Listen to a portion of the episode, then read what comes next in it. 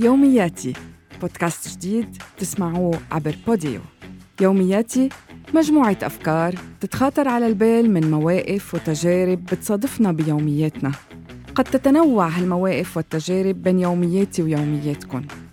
قد تتنوع وتتغير التفاصيل ولكن أنا متأكدة رح يكون في شي مشترك بالخطوط العريضة.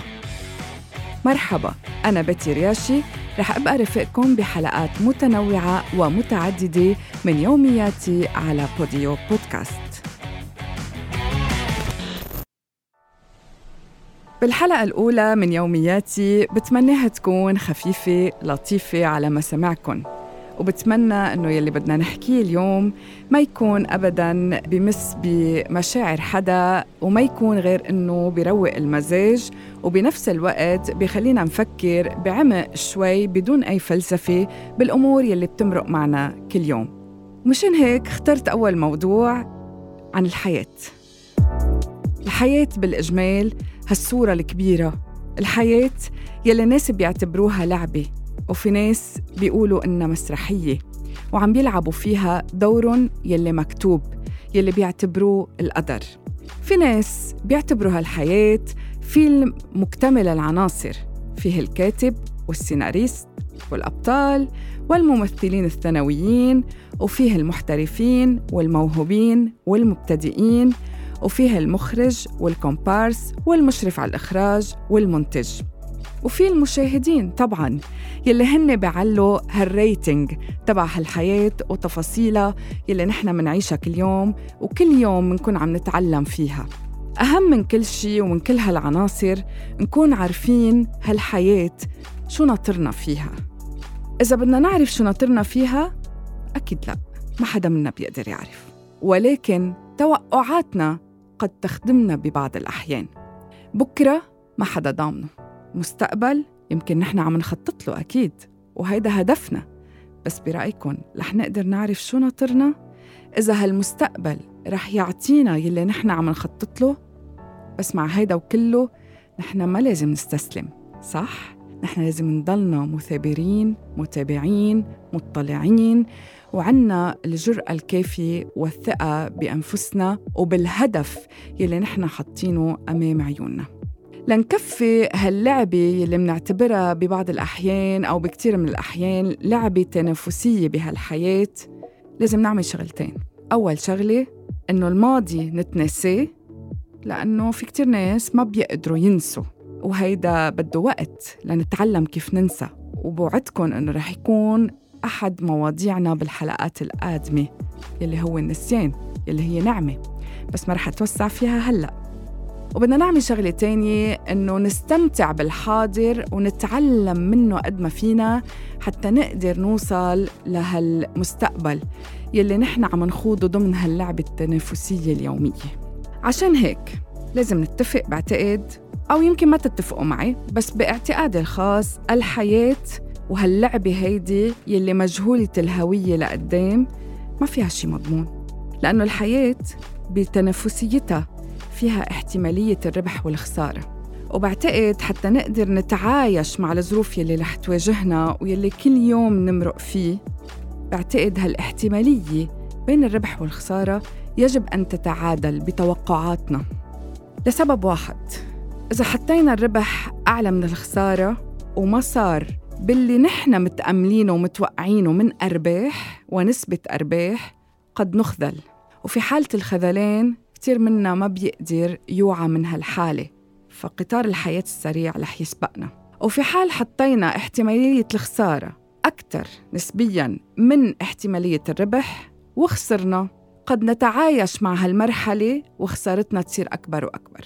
كرمال هيك نحن علينا نحضر نشتغل نواظب على إرادتنا ونقويها ونحسن أكثر وأكثر ثقتنا بالمستقبل وباللي عم نحضر له.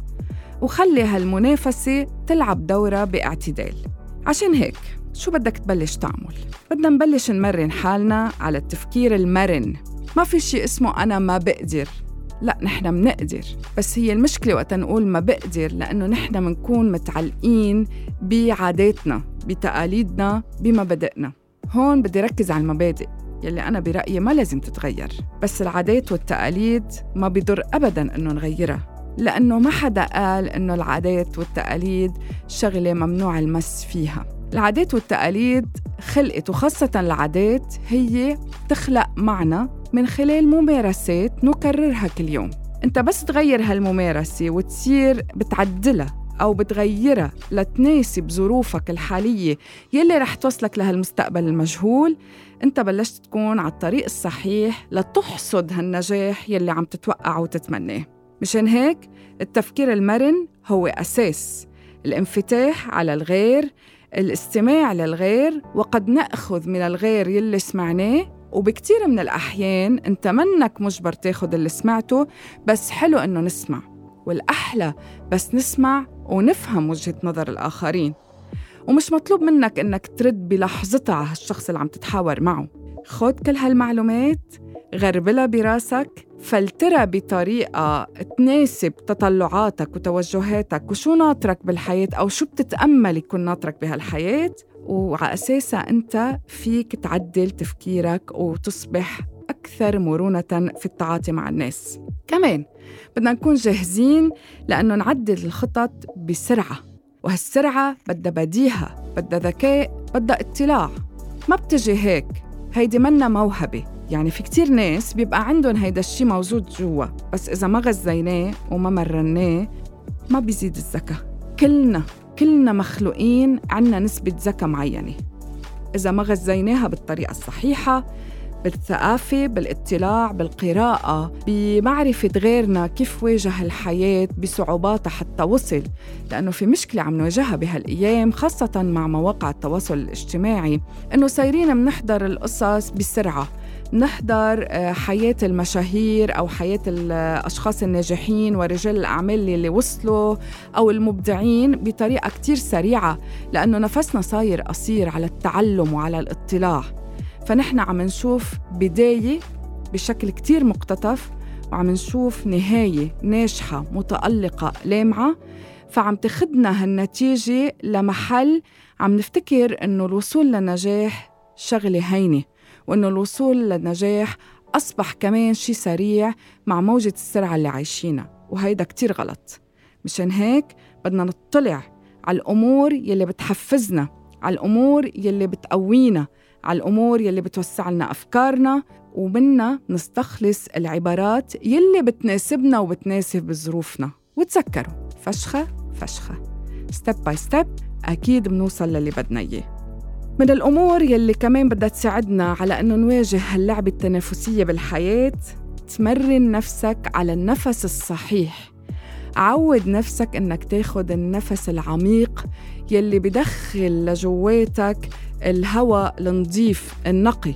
لأنه بهالطريقة التنفس العميقة وما رح روح معكم لقصص اليوغا وقصص التمرن وإنه بحسن النوم لا أنا بدي روح معكم على قصص كتير بديهية كل واحد منا قادر يعملها ومنا بحاجة لمساعدة حدا لنقوم فيها.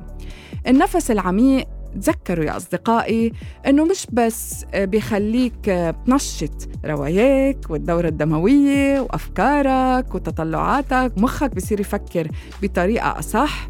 إنما أيضا بخليك تروق وبيخليك تعد. إذا بدنا مش للعشرة خلينا نقول للخمسة بإنك تجاوب بإنك تاخد قرار بإنك تعمل ردة فعل. والنفس العميق اعتبره فاصل صغير لأي تعب أو تحدي أنت عم بتواجهه. تعلم إنك ما ترد بلحظتها على أي شغلة لأنه بس تاخد وقتك وترد بإيجابية بتفاعل أقل. بردة فعل مزبوطة ومهذبة ومهندسة رح تكون أنت الكسبان حتى لو ما معك حق. ما تستسلم أبدا وتصرف بحزم وذكاء وقت اللزوم. وما تدعي الذكاء انتبه.